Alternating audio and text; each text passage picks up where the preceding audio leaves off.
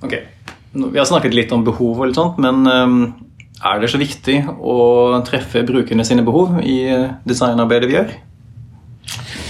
Det spørsmålet føles jo litt ut som en slags sånn felle. Fordi det virker så eh, åpenbart at eh, svaret er ja. Eller hva annet skal jeg si enn selvfølgelig er brukerens behov veldig viktig. Det er jo sånn jeg er oppdratt selv som designer. At det er nummer én. Og jeg er jo oppdratt i en sånn brukersentrert eh, designgren, liksom. Men jeg tenker, eller har tenkt mer og mer oftere og oftere, og kanskje liksom etter hvert som jeg har blitt erfaren nå, at det, det er fort gjort å bli slukt av behovsperspektivet. At vi går veldig fort inn et sted hvor det brukeren trenger og ønsker, eh, at det liksom blir målet vårt på bekostning av. Men hva er det vi vil få til med løsninga vi lager? Hvorfor er den til? De færreste løsninger som vi lager, er faktisk til som en sånn rent behovsløsende mekanisme. Mm. Behovet er der som et virkemiddel for en forretning som mm. vil oppnå noe. Mm. Og det å se på behov også som Eller nesten å se på forretningen selv som en organisme som har behov det kan være vel så interessant, da, opplever jeg som designer, å gå inn i den materien. Hva er behovet for selskapet? Mm. Hva er eh, driverne der?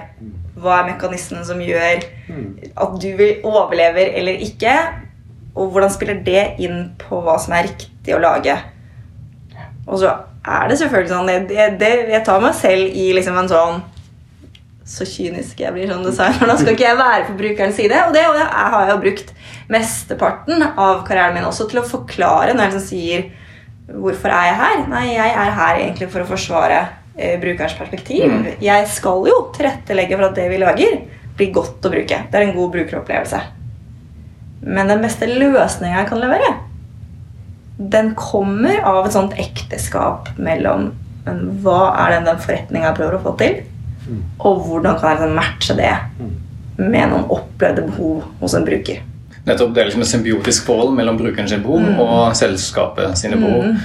Innenfor uh, måte, offentlig virksomhet så liker jeg heller å tenke på ikke at vi jobber med brukerorientert design. på en måte, Vi jobber egentlig liksom med samfunnsorientert design. Da. For Du kan jo egentlig ikke begynne å se på brukere som enkeltindivider lenger. Fordi enkelte personer er jo ikke, vet det høres litt arrogant å si, men de vet kanskje ikke nødvendigvis hva som er best for seg selv. Men det synes jeg er et kjempegodt poeng. At, det er en brukermasse du skal nå. Og, du, og, vi må ta valg og prioritere ulike behov opp mot hverandre. Mm. Og liksom det enkeltfokuset på når du gjør en brukertest som blir veldig individfokusert. Mm.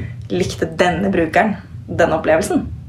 Opp mot ja, men hva er det egentlig vi skal få til for mange brukere? Kanskje det er riktig at denne type bruker ikke egentlig kommer så lett gjennom den prosessen her. Mm. Ja, det er jo altså helt sånn Jeg som også har jobbet i selskaper som, som eh, ikke er så vant til å tenke brukersentrisk, da. så er det, en, det er en sånn første logikk et selskap må innta, og det er at en, skal du tilby noe på nett, så må du som regel konkurrere om brukerens oppmerksomhet. Og for, å, og, for å, vinne den, så må du gi brukeren Du må løse et problem. Og det er liksom kimen til dette fokuset hvorfor det gir forretningsverdi da, å løse kundebehov. Uh, og, og, for mange selskaper så er det et stort sprang. Det er liksom en helt annen måte å tenke på. De har lagd produkter og dytta dem ut og bare håpet at noen ville, ville ha dem. Uh, mens nå er man jo Vi er jo dritflinke på å være helt nøyaktig detaljerte og spisse noe og få noe tuna inn til uh, noe vi vet faktisk folk vil ha. Og, og, jeg tror det fortsatt er den store omveltningen. Da, å, å, vite hvor god man er, og hvor mye bra verktøy vi har til å jobbe med kundebehov.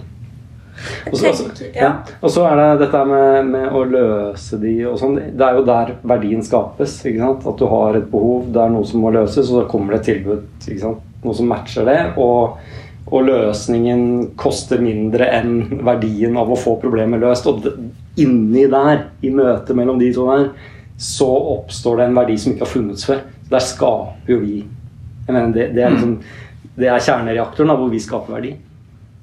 Men jeg tenker vi jobber jo aldri i isolasjon. Vi jobber jo alltid sammen i et team med mange forskjellige Eller som regel, da, med, mange, med mye variasjon i bakgrunner.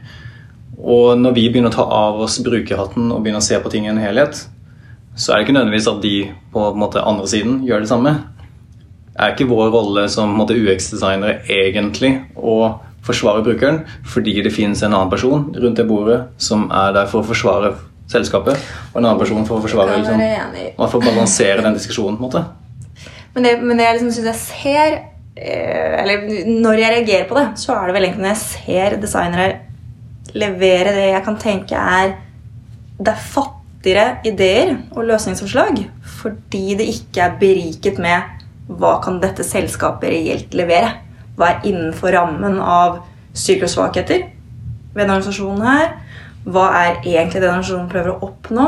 Det, bare, det gir deg et mindre mulighetsrom, egentlig. Som å bare ha sett på hva det brukeren eh, vil ha. Mm. For, det, for, det, er et tynnere lag. Det er bare et mm. tynnere lag av løsningen. Å være bare fokusert på det. Eh, og, jeg, og, jeg, tenker at det er sånn der, og kanskje det er sånn, et resultat av liksom en pendel som svinger også. Altså, for all del. Eh, jeg husker en tid hvor jeg måtte ordentlig slåss for å bruke ressurser på i det hele tatt å gjøre liksom, brukerinnsikt. For det var bare Det trenger ingen. Det har vi koll på selv. Og det var et kjempepoeng av at hvis jeg skal lage en bedre løsning, da må jeg vite hva eh, brukeren vil ha, eh, og, og hva de tror de trenger. Men nå føles det jo litt som den pendelen som har gått Ja, etter hvert som selskapene egentlig har blitt modnere og modnere, og det her med brukersentrering det har de tatt mer og mer inn over seg, så, så, er liksom pendelen, ja, pendelen er bare helt over der. Mm. Og så er det bare brukerfokus. Og så glemmer du liksom å berike det med domeneforståelsen og liksom kunnskap om men hva rører seg egentlig dette landskapet? Mm. Hva er forutsetningene vi har for å levere, og hva er det egentlig vi skal få til? Ja, Hva er samfunnsoppdraget? Mm hva er riktig å levere? For hva folk vil ha. Altså, Folk vil jo ha tusen ting! Men hva er riktig av oss å levere til dem? Det er en sånn berikning da, av eh, de rådene vi kan gi som produktutviklere. Ja, som produktutvikler. Definitivt helt enig. Men jeg lurer egentlig på om er det Om det er en forskjell mellom produktutvikler og designer? Ja, ikke sant? Og jeg lurer på da om det er liksom riktig å plassere det ansvaret og den byrden inn på den stakkars designeren. Ikke sant? Den stakkars designer. Sorry. Fordi ja. det er jo sinnssykt mye å ta inn over seg. Det er sinnssykt bredt perspektiv du må ha, og det er sinnssykt eh, komplisert da, og komplekst å forstå alt dette. Mm. Og er det da riktig at man skal plassere det hos den personen som har studert brukerorientert design i fem år? Ok, men da er vi jo, er, da er vi jo litt på hva er design. Mm. For, og designet, det mener jeg er å også ta inn over seg hva går det an å lage og produsere. Designet, Da må vi splitte ut eventuelt liksom, brukersentrering som noe annet enn design. Mm. Og det by all means hvis du vil være liksom, en user researcher. Helt enig. Da er jobben din Det er brukerens behov og brukeropplevelse. Men hvis du skal være med og designe en tjeneste, da må den helheten inn. Mm. Da går det ikke an å bare stille seg på den siden til brukeren og så melde dette blir en bra løsning. Mm. Nå har jeg dekket alle disse behovene. Mm. Da er du jo short, liksom. Men uh, sett i liksom, den trekanten av liksom, uh, feasibility, desirability og viability, da. Uh, så har man klassisk sett pleid å si i feasibility så er det tech-heavy, i hvert fall i vår bransje. I desirability så er det liksom UX design-heavy. Og i eh, viability, så er det liksom økonomi, økonom strategi-heavy. måte da. Mener du da at en designer måtte, ikke nødvendigvis er i den enden av trekanten som er desirability? Eller mener du da at designeren egentlig har et ansvar som er over dette? Jens Sondre har lyst til å si ja. Her kommer evolusjonsbiologen tilbake. eh, altså, nå har jeg sittet i faggruppen for tverrfaglig forretningsutvikling siste året. Uh, og, og, det er noe på gang nå. ikke sant? Det, selve forretningsutviklingsjobben er jo også begynt Altså Forretningsmodeller er flytende og i bevegelse. Og, og, vi begynner å lure på om det egentlig er noe som skal kalles forretningsdesignere. Hvor du egentlig følger med på og shaper ting. Eh, selskapet og hele forretningsmodellen mens du går. da. Mm. Og, og det er noe Det er en av de tingene som jeg syns er kult i den der overgangen i fagblandingen jeg har. da, Det er at jeg ser på design som en sånn adaptiv prosess.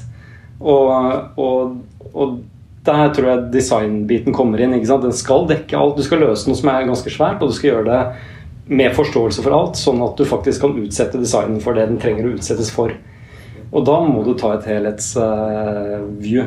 Så jeg, jeg tror designkonseptet som som en prosess da, er veldig, veldig Den har vunnet igjennom på en helt annen måte enn den, har, enn den hadde før. Og så er det akkurat det at det er forskjell på å snakke om design som en prosess, Mm. som veldig mange bidrar inn i, og det å trekke ut designeren som en person. Mm. Mm. For å være en designer hvert, altså hvert år når vi tar inn eh, nyutdanna eh, og ønsker dem velkommen til Beck, så holder jeg en liten sånn tordentale for de, hvor jeg egentlig sier det jeg har lyst til, at de slutter å tenke på hva de er. Mm. Slutt å tenke på hva slags designer du er, eller at du er designer, og det kommer med en pakke. Tenk heller på hva du vil gjøre. Hva bidrar du med? Hva har du lyst til å få til, og hva vil du lage? For det er en mye mer sånn konstruktiv tilnærming, og det åpner opp mindsetet ditt mye mer for hva du burde tenke på og har lyst til å tenke på. Og si at du er designer. Og hvis det liksom er implisitt, da er jeg liksom brukersentrert og bruker er liksom mitt ansvar, ja, men da lager du jo en begrensning på ditt eget bidrag. Og så er jeg helt enig. Hvis ingen andre i teamet ditt har det ansvaret, eller tar det ansvaret, da er det riktig. Mm. noen må ta det ansvaret. For det er åpenbart at det er en faktor som er kjempeviktig for å lage en god løsning. Men nå opplever jeg jo nettopp det at det er veldig mange som er modnet på tanken om brukergenerering. Mm. Så det fins mange som er opptatt av det. Da burde du melde tilbake. Ja, hva med forretningens behov? Mm. Det også er en spillebrikke her. liksom. Folk beveger seg nærmere senteret av den trekanten, rett og slett. Mm. ja. Eller dekke flere ruter. Ja.